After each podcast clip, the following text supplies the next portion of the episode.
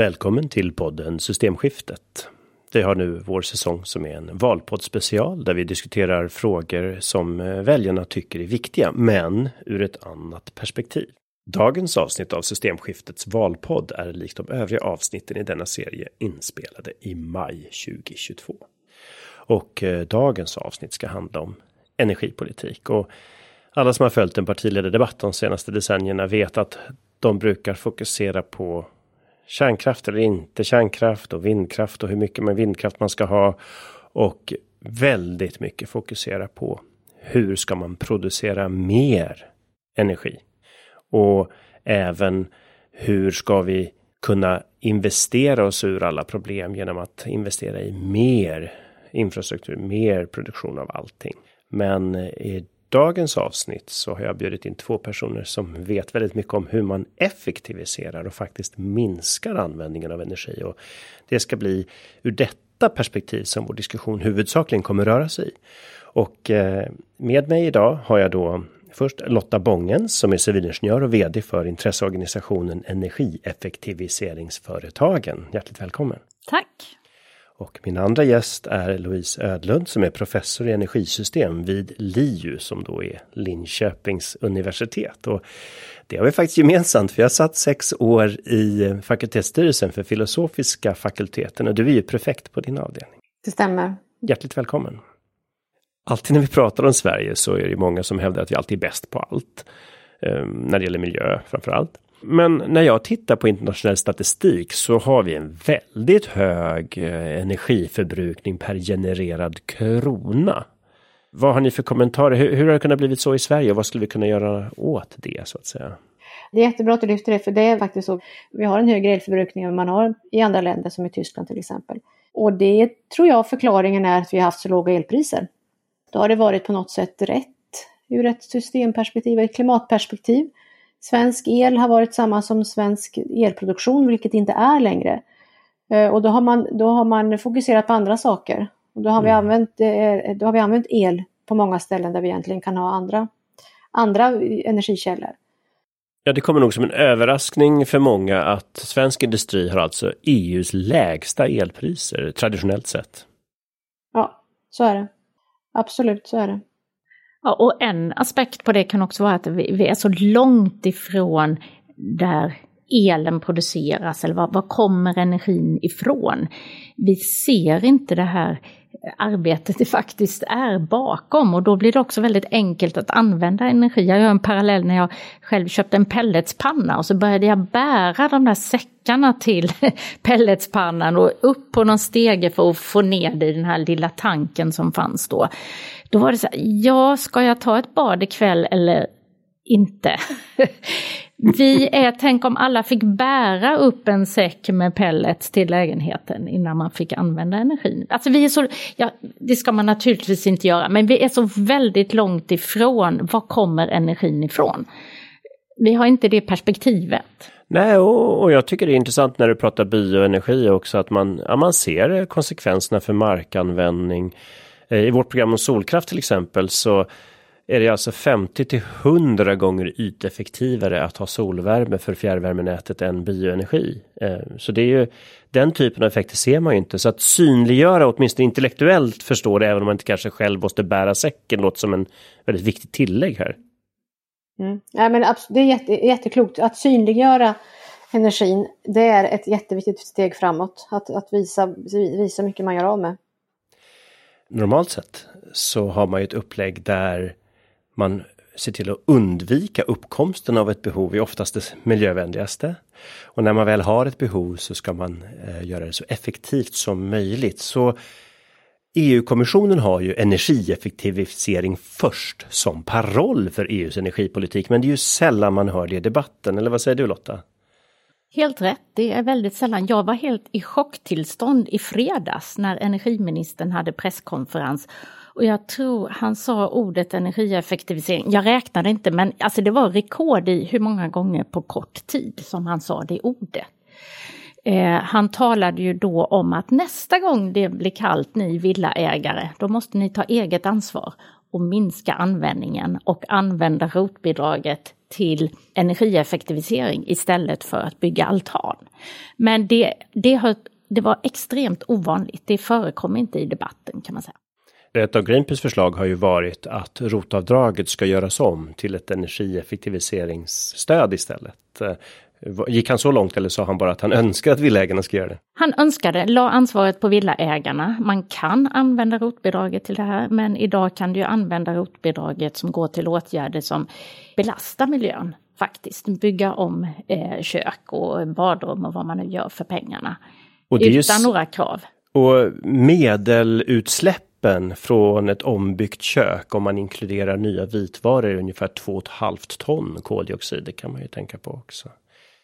Och Louise, hur skulle du introducera människor till behovet av effektivisering?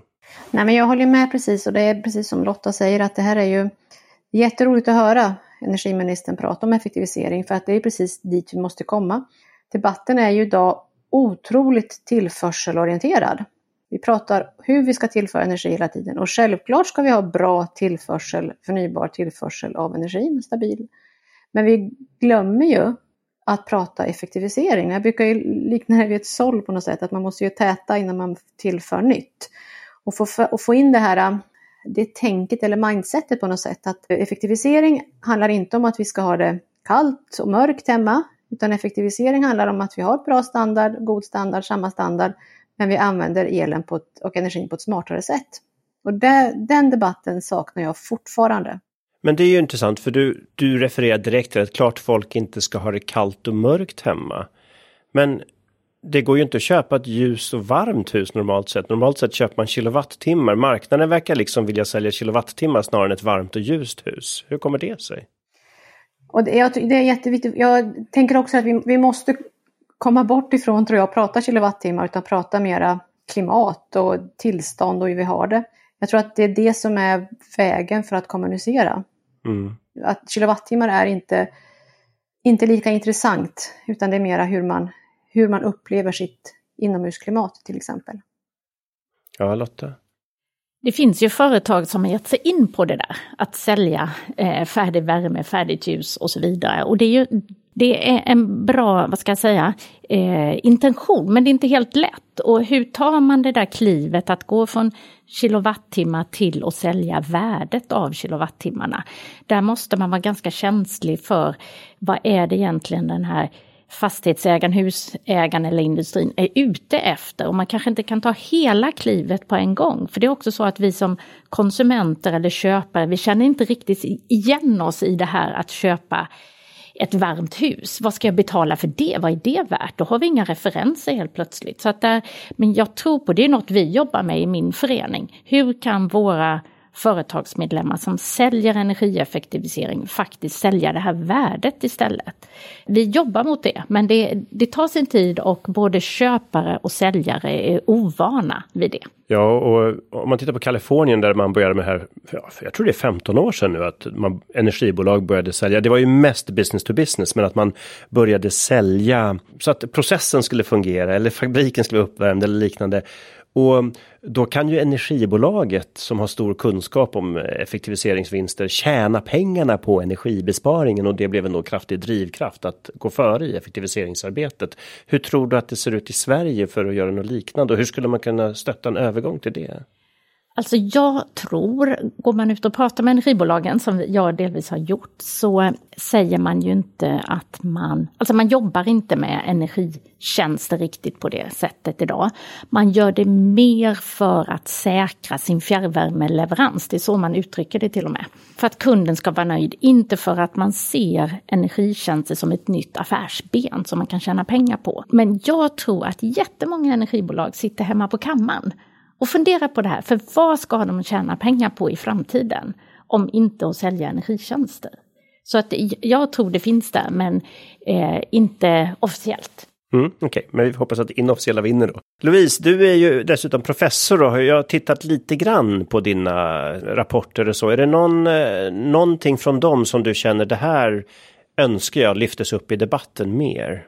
Nej, men jag, tror, jag tror på det här att, att man ska ha en win-win situation att det blir vinster för alla partner på något sätt. Till exempel det som du var inne på också Lotta här nu, att, att ah, man använder elen när den är som billigast. Då får vi mindre topplast till exempel. Då, är det, när det, då använder mindre el när det är dyrt att producera den till exempel. Vi får varaktighets eller utnyttjningskurvorna blir mer platta så att de inte blir så spetsiga.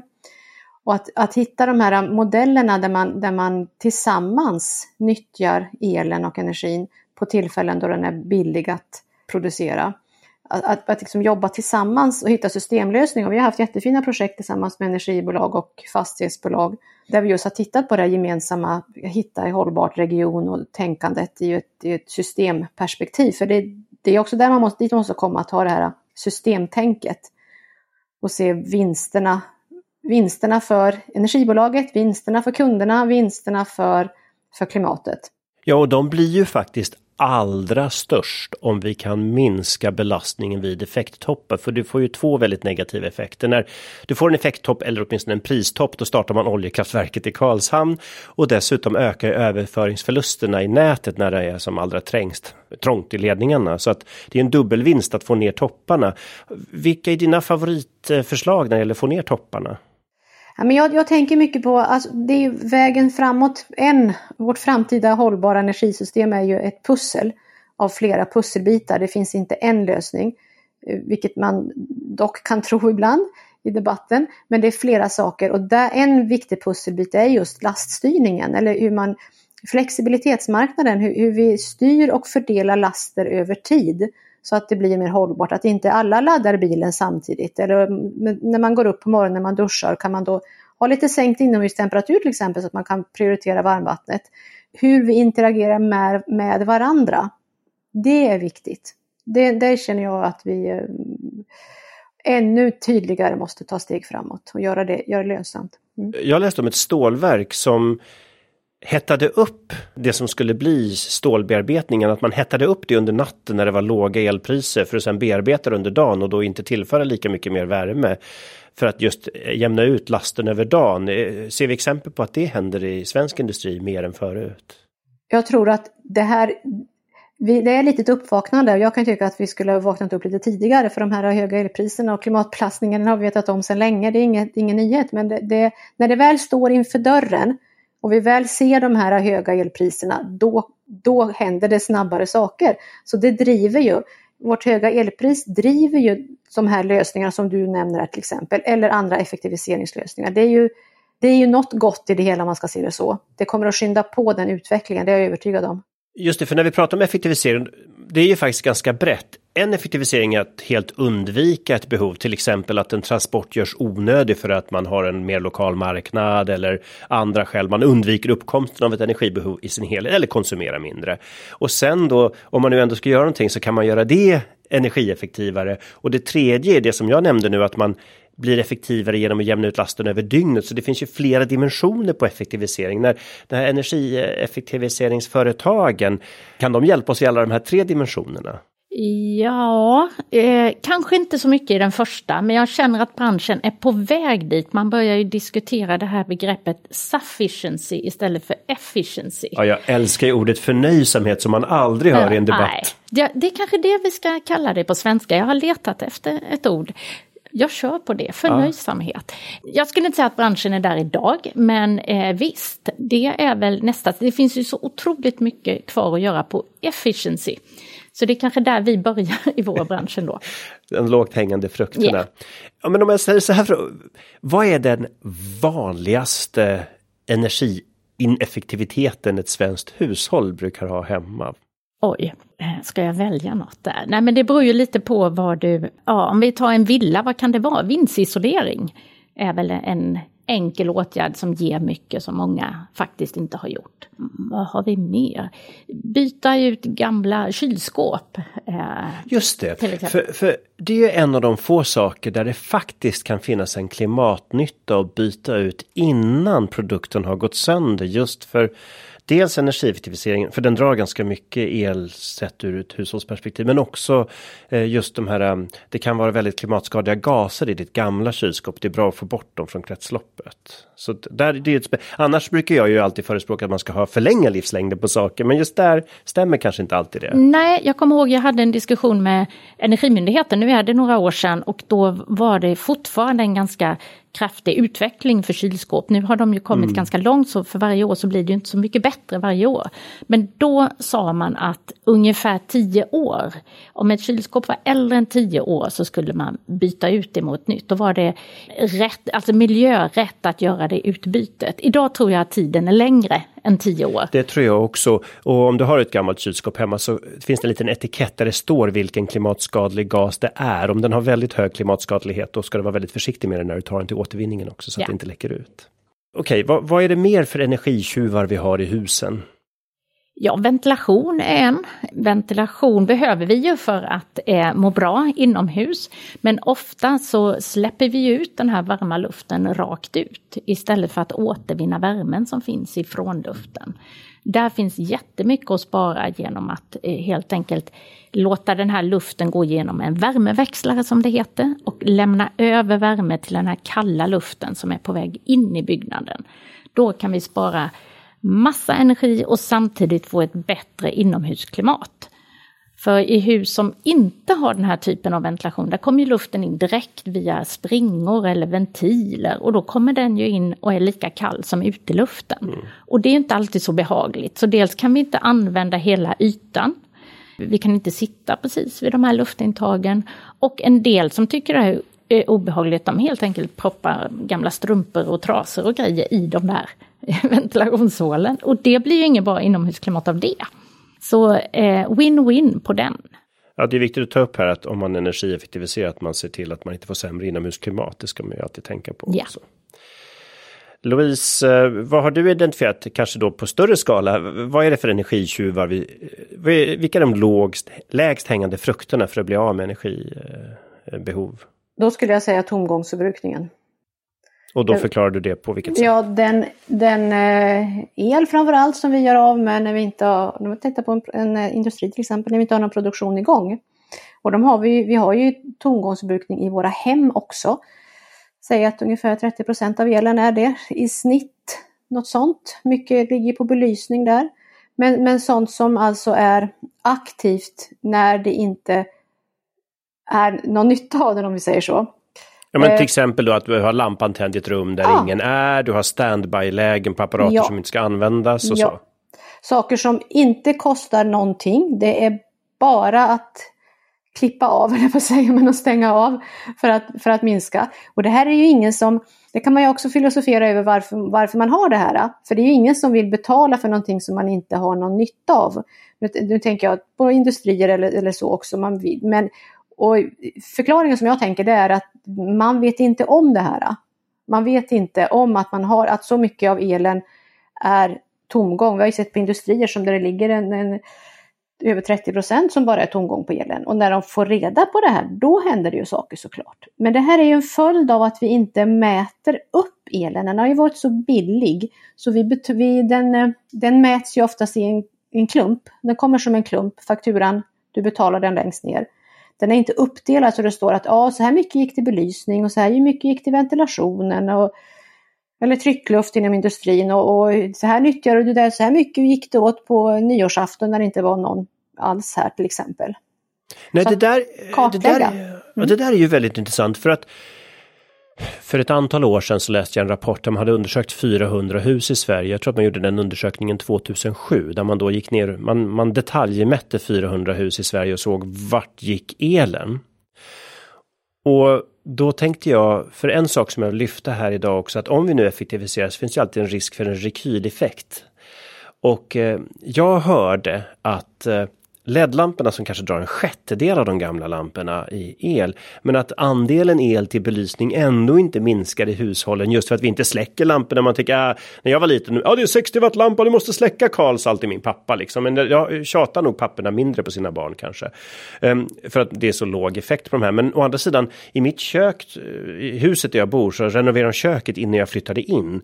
Och då hade de installerat, det är, jag räknade ut, det är 30 13 lampceller totalt sett i köket som kanske bara hade en eller två på morfars tid. Så att den här rekyleffekten också av att Ja, det blev jätteenergieffektivt och ehm, det är så pass billigt så att jag låter det vara på. Det bidrar väl också till tomgångseffekten här då, eller? Ja, vi inreder ju med ljus nu också. Så det, det, är självklart så.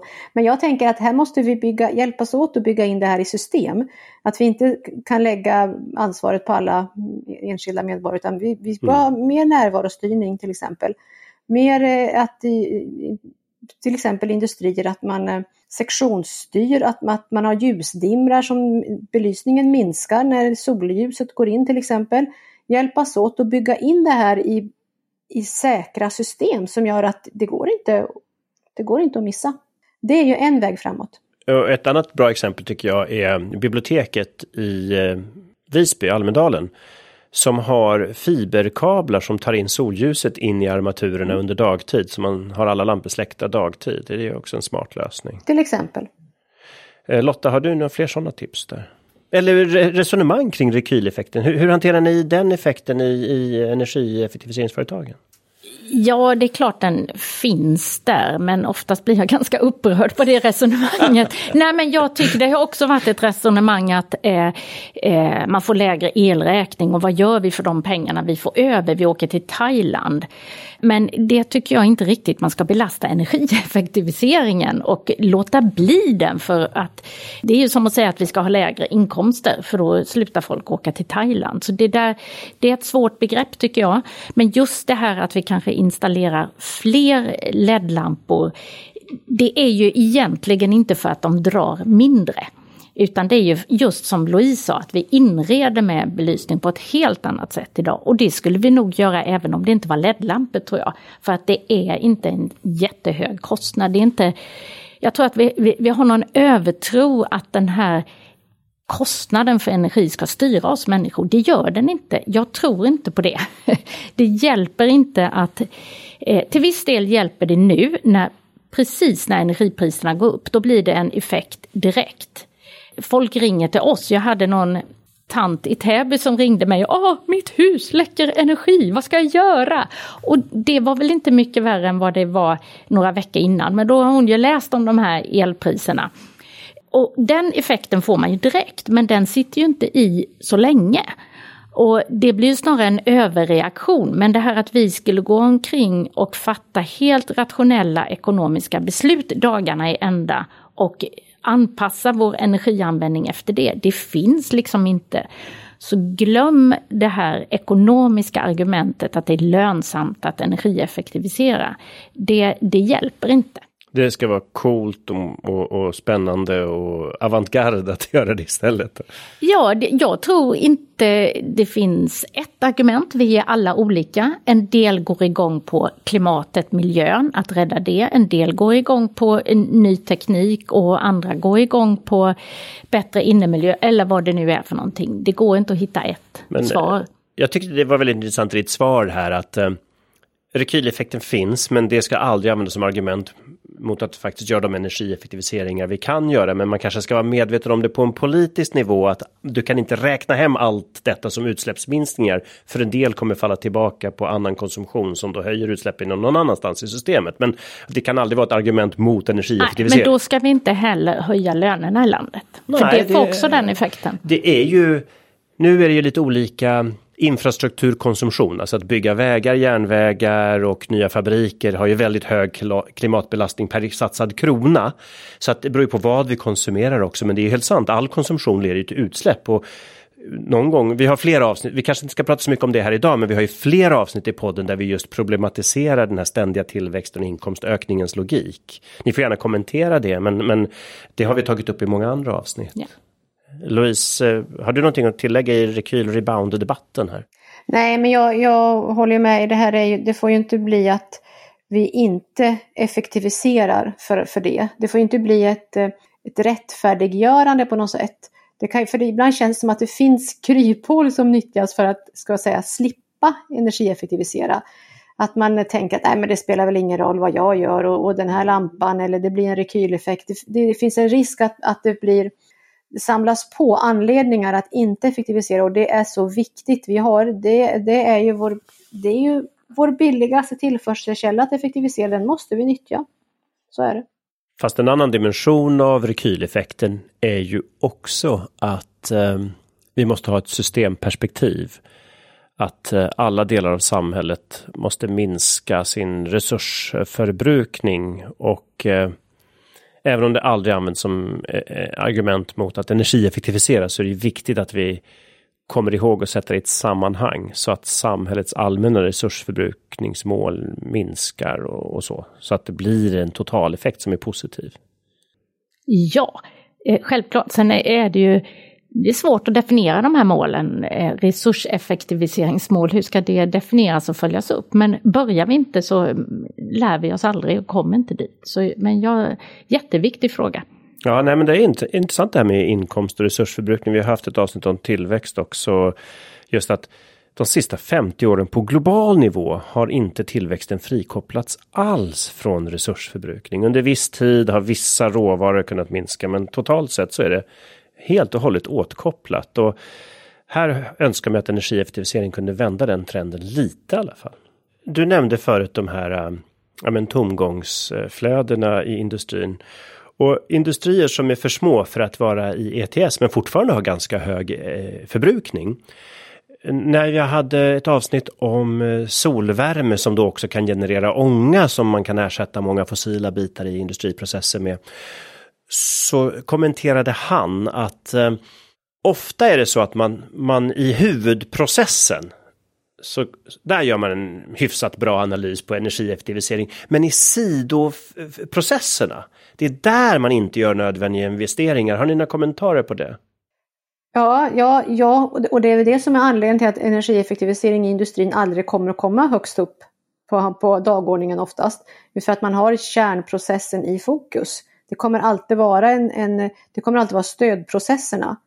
Och det måste man ha respekt för när man, när man går in till en industri, att de kommer alltid kunna ha andra frågor som kanske är för tillfället viktigare för den här industrin. Det kan vara byggande av nytt något dotterbolag eller något annat. Så att det, det får man förhålla sig till tänker jag. Och Lotta?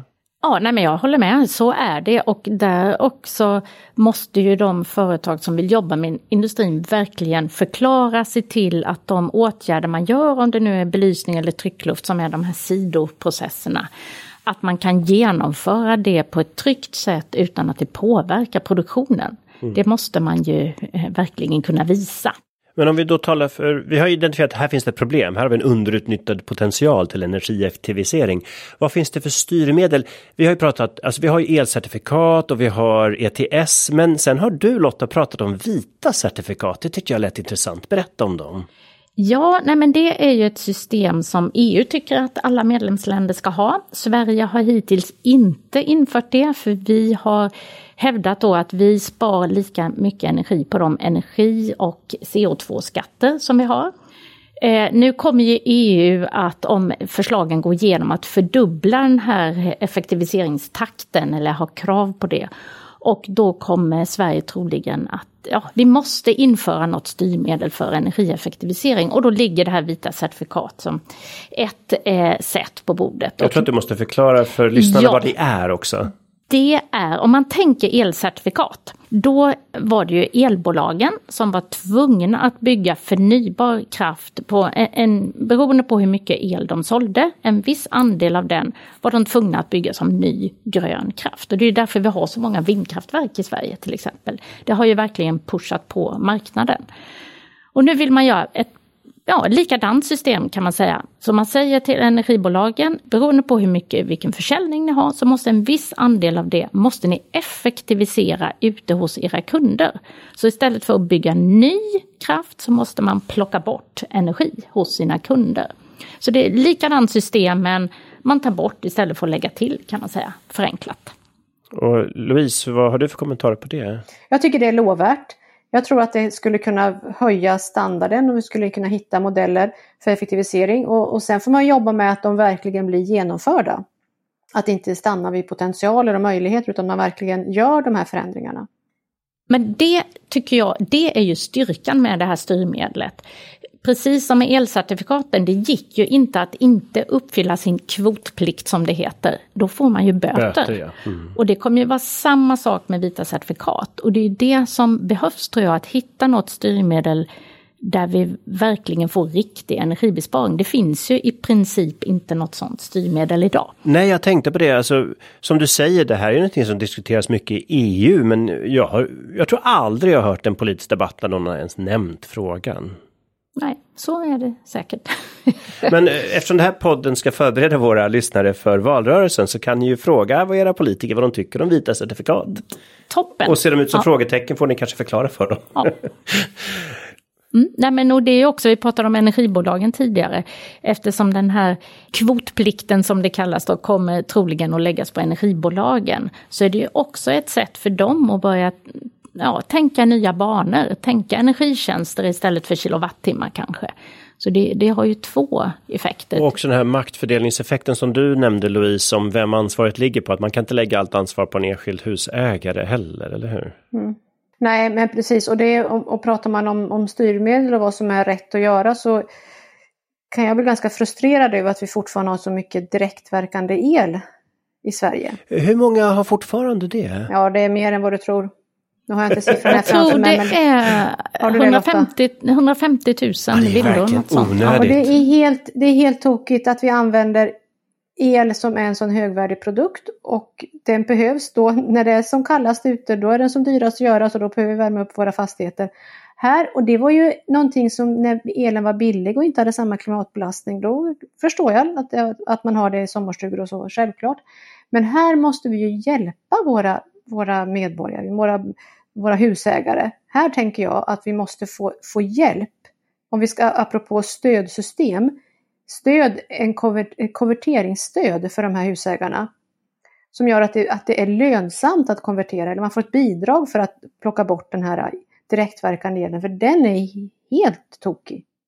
Ja, och då, vad tänker du att man skulle få ett värmepumpstöd eller andra, vilken valfri teknisk lösning som helst då? Eller? Ja, det tycker jag. Den skulle vara teknikneutral. Mm. Men att komma ifrån det här direktverkande, alltså det, när, man har, när vi har elen är som dyrast att, att producera, då är behovet som högst. Och då våra industrier också behöver ju, vi har ju behov av, av el i våra industrier, men, men när vi har andra alternativ så ska vi ju nyttja dem. Och här har jag en annan åsikt, eller ett tillägg då. Eh, jag har ju värmepump till mitt hus hemma. Och så började den låta så mycket att alla grannarna klagade och det visade att lagret i fläkten hade gått sönder så den gnisslade ordentligt. Och eh, då reparerade jag den och trots att den bara var nio år gammal så räknade försäkringsbolaget av 90% plus självrisk. Så jag fick bara 300 kronor tillbaka när jag renoverade den. Och det här är också så här att det är ju inte heller rimligt med så korta avskrivningstider. Man vill ju att folk ska upprätthålla de här anläggningarna och hålla dem i skick och att inte slösa heller i produktion av ny utrustning. Så här, här tycker jag också det finns en dimension att inte ha för korta avskrivningstider på energieffektiviseringsinvesteringar. För då blir de kanske inte heller lika lönsamma i kalkylen. Nej, så är det och det, det beror ju också på vad det är för utrustning. Vissa installationer kanske inte har så mycket längre livslängd än tio år. Eh, så det måste man ju tänka på. Sen måste ju förstås installationerna bli bättre och vi måste kunna återanvända materialet i mm. dem och så. Där ligger ju branschen lite efter tycker jag, både på att räkna på sina produkter, vad är det för klimatavtryck i produkten, vad, hur mycket energi har gått åt för att tillverka den här värmepumpen och så vidare. Vad intressant att du säger det, för jag vet inte vilken ordning avsnittet kommer sändas, men vi har ett avsnitt där Alf Hornborg som har forskat mycket på det här, professor i Lund, just på att inkludera effekterna av produktionsutsläpp och utnyttjande av arbetstid för att tillverka dessa maskiner ja, också. Spännande, det ska jag lyssna spännande. på. Ja. Mm. Ja, nej men så det, sen är det klart om du byter fönster eller eh, isolerar fasaden så det är en helt annan livslängd på det. Det, det måste man ha koll mm. på. Bra tänkt. Vi har tagit fram en potentialberäkning. Hur mycket energi kan man spara i Sverige? Hur mycket kan vi effektivisera? För vi tyckte att det fanns inte riktigt det underlaget så vi gjorde den själva, eller tillsammans med Fastighetsägarnas Videsol och några andra ja. eh, organisationer. Och utgick från Energimyndighetens statistik som finns och la på åtgärder, att man gjorde åtgärder ungefär med de intervall man gör beroende på livslängd på olika installationer och fönster och sådär. Och då kom vi fram till, nu sitter ni ner och håller i er va?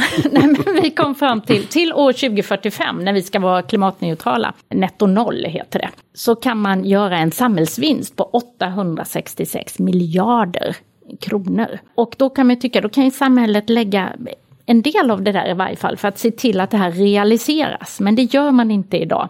Så det finns ju en enorm vinst i det här. Och det jag märker då med tanke på det här med livslängd på olika åtgärder, när jag pratar med, det kan vara ett kommunalt bostadsbolag eller någon fastighetsägare, så kan de tycka, men det där går, vi kan aldrig spara så där mycket, det, det är inte möjligt. Och då tror jag, eller jag har kommit fram till att det som skiljer oss åt är att vi har ju verkligen räknat långsiktigt på alla åtgärder. Och det gör ju inte riktigt fastighetsägarna. De sitter ju i en annan värld med andra avkastningskrav. Mm. Och det är det som gör att de här beräkningarna inte stämmer riktigt. Där kanske man måste hjälpa till då med de här åtgärderna som kanske inte är lönsamma för fastighetsägaren men de är bra för samhället.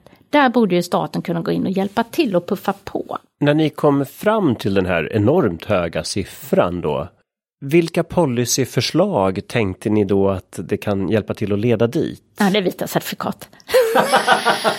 det är redan done and dusted. Okej, okay, vi repeterar. Glöm inte vita certifikat.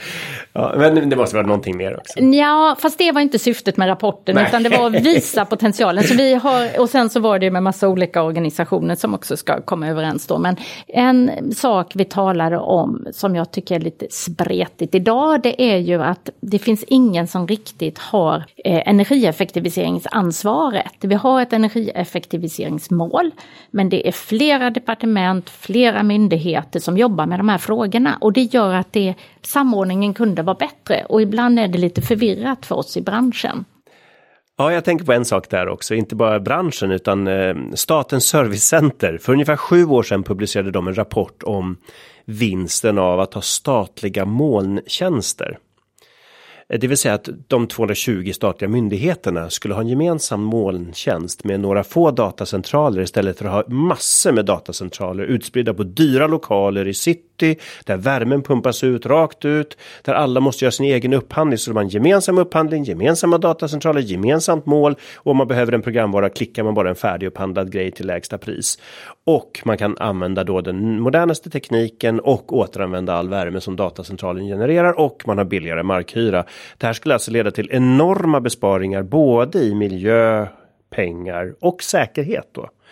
Så att när, nu när du sa de här många miljarder, 866 var det oh. ja, um, då vill jag ta din roll här och säga det handlar inte bara om pengar heller. Det är inte det som alltid övertygar utan det minskar ju även utsläppen. Och en annan sak som ja, kanske Louise kan hjälpa till att svara på, men om man tittar också på den enorma resursåtgången som går åt till politikernas förslag om att ständigt bygga ut, att fokusera på enbart utbyggnad av elsystemet och produktionssystemet.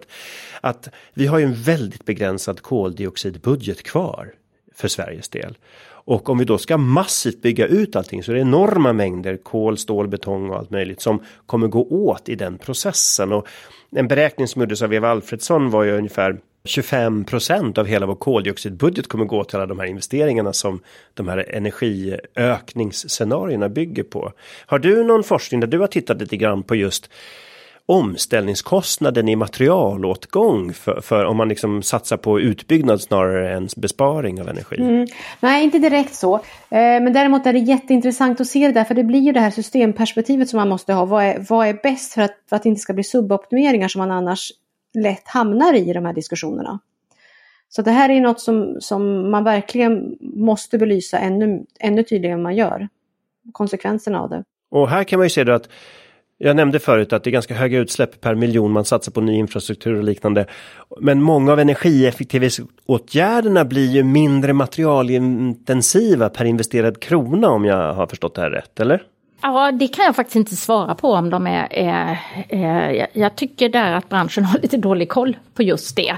Men det jag tänker när du tar upp den här tråden det är lite, eh, visserligen har vi det här energieffektiviseringsmålet i Sverige, men det pratar vi inte så mycket om. Däremot pratar vi väldigt mycket om klimatmålen, vi är otroligt fokus på klimatfrågan.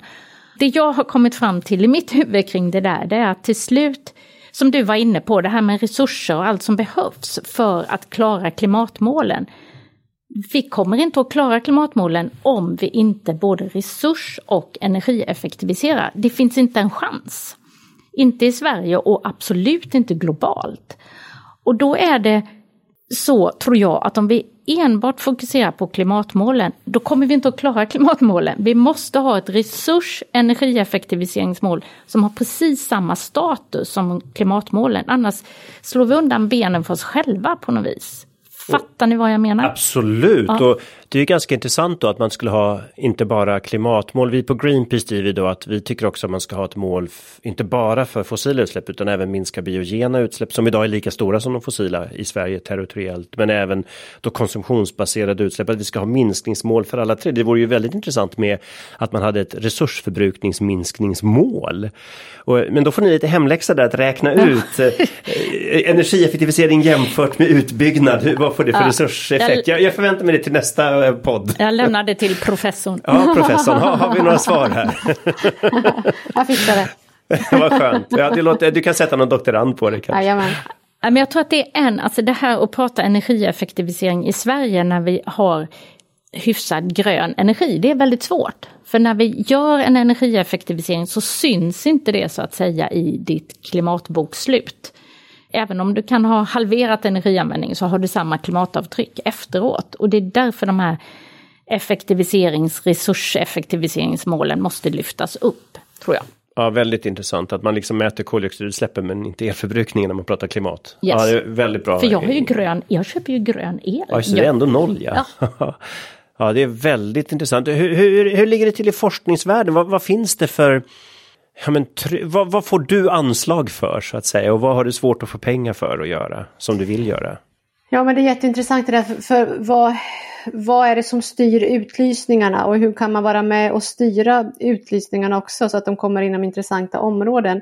Men det, men det är självklart att det är mycket inom, inom det förnybara och det finns inom, inom AI och allt sånt där också. Så det, det finns ju en bredd inom, eh, inom det som man kan söka pengar inför. Men sen är det ju alltid Ja, det är alltid en utmaning att få dem tillräckligt liksom, spetsiga för att eh, verkligen bidra på riktigt på något sätt. För det, det är där liksom som man måste bli tydlig, och framförallt i samarbete. Och det gynnas ju ofta samarbete med, med bolag och energibolag och sådär. Det tycker jag är jättebra. Så ska du få liksom maximalt eh, med forskningspengar så ska du ha en AI-baserad nano, eh, nanotillverkat vindkraftverk. Då får du max forskanslag. Men energieffektivisering, hur, hur, hur, får man pengar till det? Då? Är det ja. svårt att få stöd för det? Det kan jag väl tycka att det generellt är, absolut. Absolut. Det är precis som i debatten i övrigt så är det en, en tillförselfokuserad approach som är i, i finansieringsvärlden också. Så en lösning som vi aldrig hört i en politisk debatt är att satsa mer pengar på att forska fram alternativ till produktion, ja. att hitta andra lösningar. Det, det är underfinansierat även forskningsmässigt alltså? Ja, absolut. Absolut. Och jag kan ju tycka att eh, också förhållandet forskning-implementering. Visst ska vi forska på energieffektivisering, det tycker jag verkligen. Men det finns ju otroligt mycket att göra redan nu. Direkt. Och där finns det ännu mindre pengar skulle jag säga. Det får vi nästan alltid avslag på. Det är för lite forskning i det vi vill göra. Vi vill ju att det ska hända grejer. Och, och då är det svårt att hitta pengar. Och här är det ju Effektivisering är ju management, det vill säga det är en ledningsfråga, det handlar om beteendefrågor. Tekniken är ju det lätta. Exakt. Vi kan bygga och konstruera vad vi vill för, för saker. Men att få folk att ändra beteenden, det är det som är utmaningen. Så att effektivisering handlar ju mycket om att, att få till de här beteendeförändringarna. Därför måste vi ju gå tvärvetenskapligt i de här forskningsfrågorna. Ja, det är otroligt viktig dimension och vi har ju behandlat icke-tekniska bitar av omställningen flera gånger i den här podden och jag tycker det är jätteviktigt att du med ditt fokus i din forskning lyfter den här frågan också för att eh, många av våra avsnitt har just handlat om att man kan inte lösa eh, dagens resursförbrukning, klimat och artutrotning med bara teknik utan det måste till beteendeförändringar. Har du tittat någonting på vilka beteendeförändringar på energiområdet som skulle vara mest effektiva? Nej, men ett, ett väldigt tydligt resultat är ju det att om, om inte ledningen på en industri till exempel har bestämt sig för att effektivisering är viktigt, då händer ingenting. Och det är jättejobbigt om man möter frustrerande medarbetare som har goda förslag på hur man kan effektivisera men det finns ingen lyhördhet för det i ledningsstrukturen för att man har kanske andra saker på agendan med all respekt för det. Men att få till stånd en, alltså en, ett gott exempel det är de industrierna där, där det sitter en, en ledningsgrupp med en VD som, som brinner för den här frågan och tycker att effektivisering och omställning det är jätteviktigt, gör bra saker, där hittar vi resultat. Då går det hand i hand när man pekar med hela handen och säger att det här är en prioriterad fråga. Det här ska vi titta på. För det här är ju som jag sa tomgångsförbrukning. Det är ju busenkelt att bara stänga av. kostar ingenting. Men hur enkelt den är och hur billigt det är så sker det ju inte om inte någon gör det. Det händer ju inte av sig självt. Hur enkelt den är. Så det handlar om att, att bestämma sig för att plocka upp det här på agendan. Och, och när man då blir på något sätt tvungen ska man säga då att göra kanske energikartläggningar och se vad elen tar vägen. Jättebra, får man ett gott, ett gott incitament till det. Elpriserna höjs, det får, får automatiskt upp frågan på styrelsebordet och i ledningsgruppen för att då plötsligt så är den elkostnaden och det är samma i hemmen, plötsligt så är den inte en marginell del av ett hushålls eller en industris totala kostnad utan den där lilla tårtbiten har vuxit och brer ut sig ganska stor del av cirkeldiagrammet. Och mm. då plötsligt får det ett fokus och det händer saker. Så det handlar ju mycket om management kring effektivisering. Tänk om man någon gång kunde tänka efter i förväg. Det skulle vara ganska önskvärt i mänskligheten. Men om man tittar på att de här lågt hängande frukterna inte blir av. Jag har ett väldigt bra exempel. Jag var, träffade en energirådgivare i Borås eh, och eh, han blev ditkallad till ett företag för att se hur de skulle kunna spara och då hittade han att ja, men, klimat och värmesystemet, det, det borde man reglera bättre, digitalisera och så frågade man, ja men hur ska vi göra det? Ja men eh, här är bra ställe för en, för en um, kontrollpanel och när han flyttade på några grejer som tog i vägen så fanns den redan där. Mm. Men de hade liksom aldrig använt den. Ja. Så att det, det, finns ju en del lågt hängande frukter där. Definitivt. Men om man då tittar på beteende, om det nu är en ledningsfråga, vad säger beteendevetarna om att hur får man en ledning som faktiskt ändrar, vad, vad, vad premierar att skapa en ledning som bryr sig om effektivisering? Då? Mm.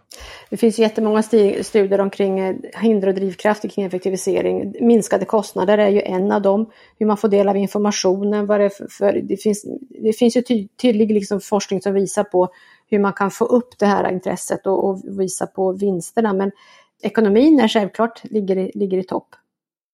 Minskade kostnader. Vi har ju gjort en del tillsammans faktiskt, ja. Louise och jag, kring just det där med vad vi kallar mervärden. Alltså det, det här extra man får när man energieffektiviserar. Och det är ofta det som är drivkrafterna.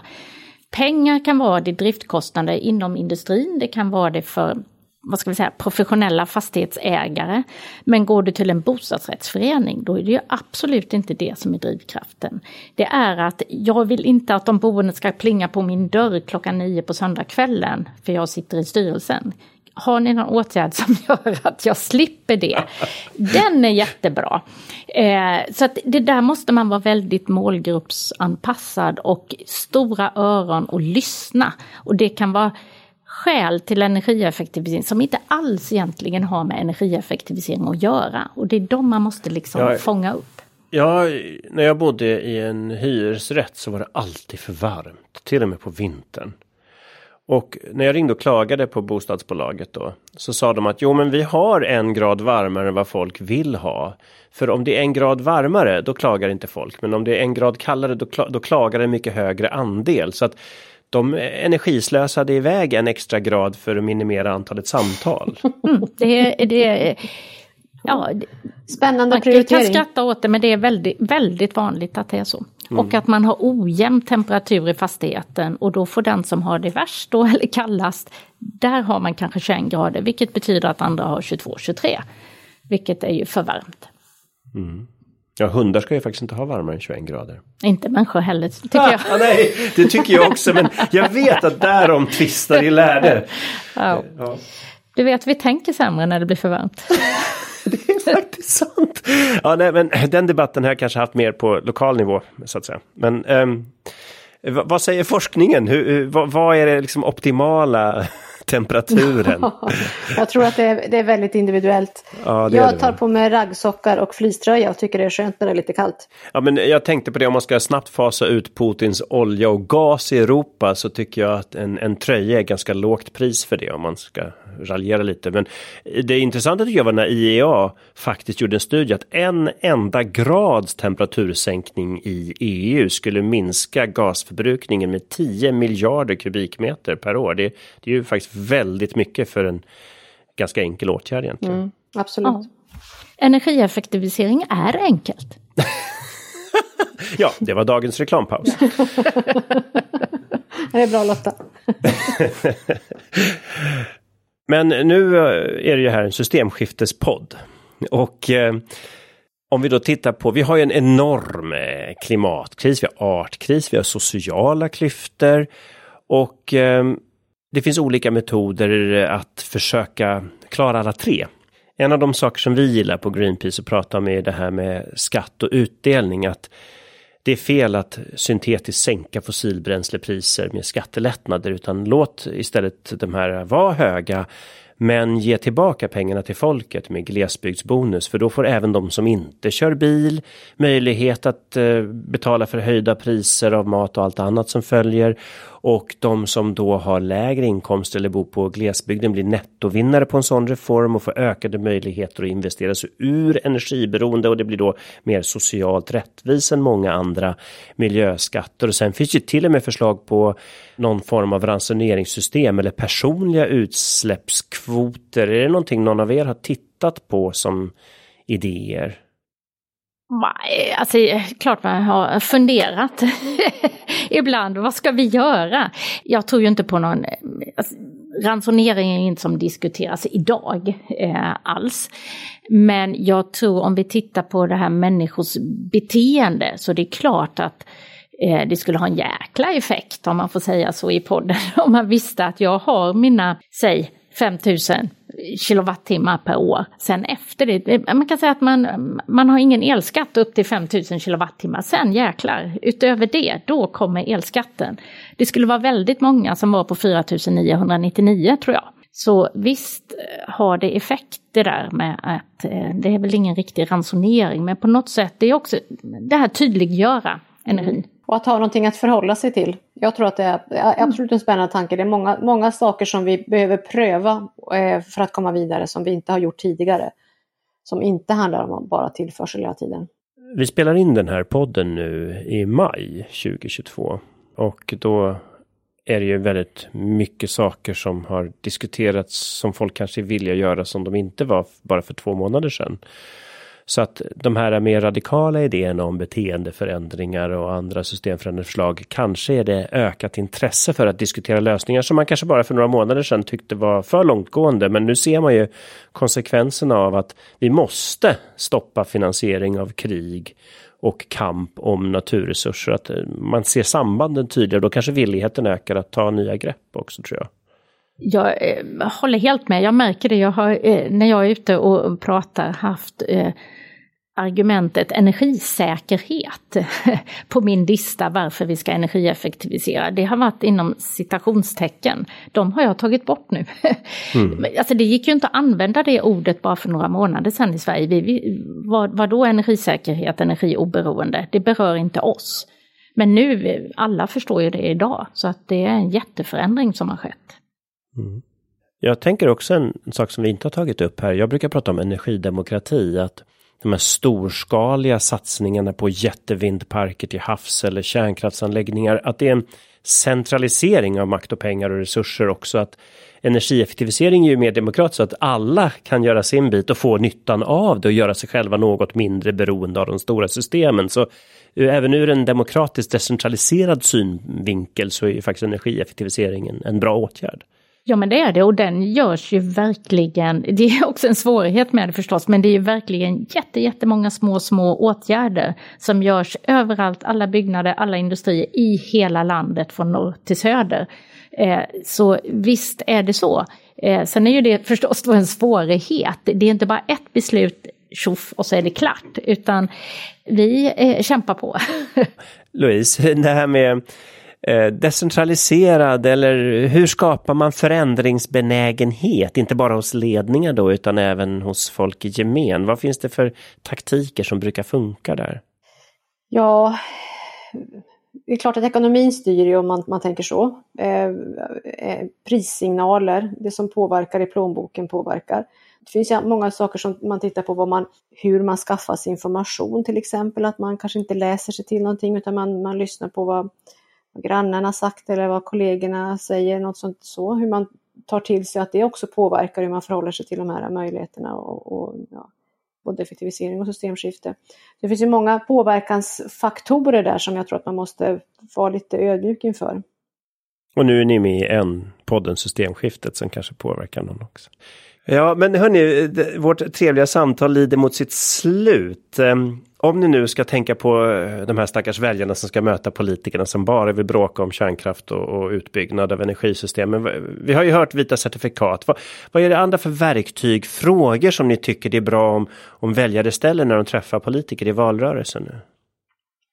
Ja, men jag tycker att hela, hela den här omställningen är som sagt ett, ett pussel.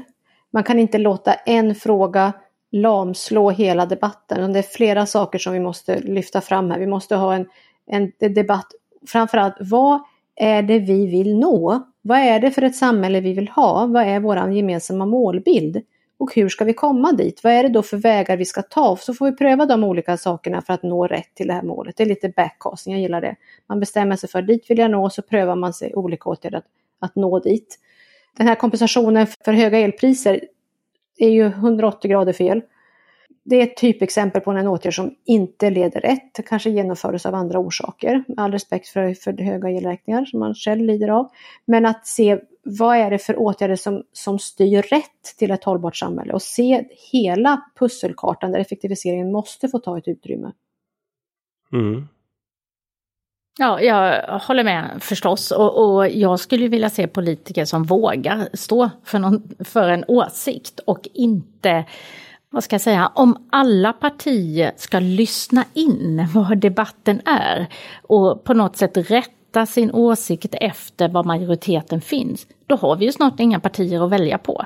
Så jag vill backa till, jag vill ha politiker som kanske har gjort den här backcastingen och vet vad man vill och uttrycker det tydligt. Och det kan vi ju kanske få fram och hjälpa till och ställa de här tydliga frågorna till politikerna. Ja, en sak som Greenpeace har kommit fram till då i vårt arbete är att eh, rotavdraget borde bli ett effektiviseringsavdrag istället. Att man, man, man får stöd om man sparar energi. Det är det det ska gå till. Vi har installerat tillräckligt med nya kök i Sverige för ett tag framöver känns det som. Mm. Det finns ju ett stöd till grön teknik som det heter, men då är ju tyvärr inte energieffektivisering grönt tycker man. det är ju märkligt, det eller hur? Visst är det konstigt? Det är jättekonstigt. Eh, en annan av våra saker, just som du var inne på Louise, det här med att de här pengarna man gav i elåterbäring och pengar för att äga en bil. Oavsett hur den ser ut. Det är lite märkliga grejer kanske. Men, men eh, om man nu skulle ha alla de här miljarderna på sin ficka och, och, och man kan använda dem till något bättre. Vad har du något förslag på hur de skulle kunna användas istället då? Ja, jag tänker till exempel ett konverteringsstöd för att få bort vår direktverkande el. Det ligger högst upp på min önskelista. Då hade mm. vi, det, det, är ett, ett steg i rätt riktning. Då får vi möjlighet att ta bort den belastning som vi, som vi kan ha andra energikällor för istället. Sätt ja, det låter ju väldigt enkelt ärligt talat. Ja, det är busenkelt. Ja. Jag räknade lite baklänges på det där. Om man säger att en åtgärd, energieffektivisering, ligger på ungefär en krona per kilowattimme. Så skulle de där 6 miljarderna kunna ge 6 TWh i terawattimmar. Ja, terawattimmar i, eh, vilket är väldigt mycket el i sänkt elanvändning i Sverige. Om vi hade gett bort alltihopa till den här investeringen, nu hade vi kunnat säkert ge bort hälften eh, och få den där investeringen gjord ändå, alltså gett ett bidrag på 50 procent eh, och kanske fått ut 10-12 TBH. Så ja, det, det finns ja, massa det, roliga 50 saker. bidragsdel så skulle man kanske fått ut 12 TBH ja, där. Ja. ja.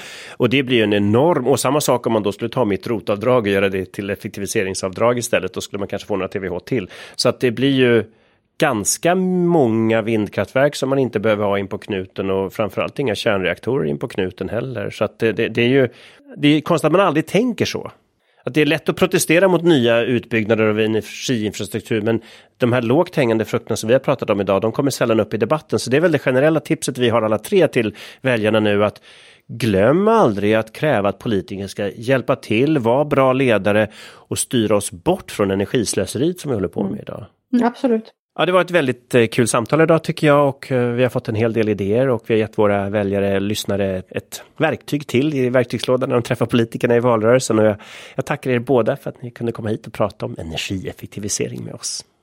Tack så jättemycket. Tack så mycket, jättekul att vara här.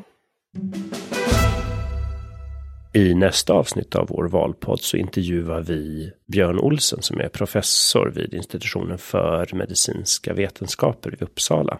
Och då ska vi diskutera sjukvård. Tack för att du har lyssnat på dagens avsnitt av Systemskiftet. Podden produceras av Greenpeace i Sverige. Medarbetarna är Christian Åslund, Alexia Fredén och Ludvig Tillman. Och jag som är värd, Carl Schlüter.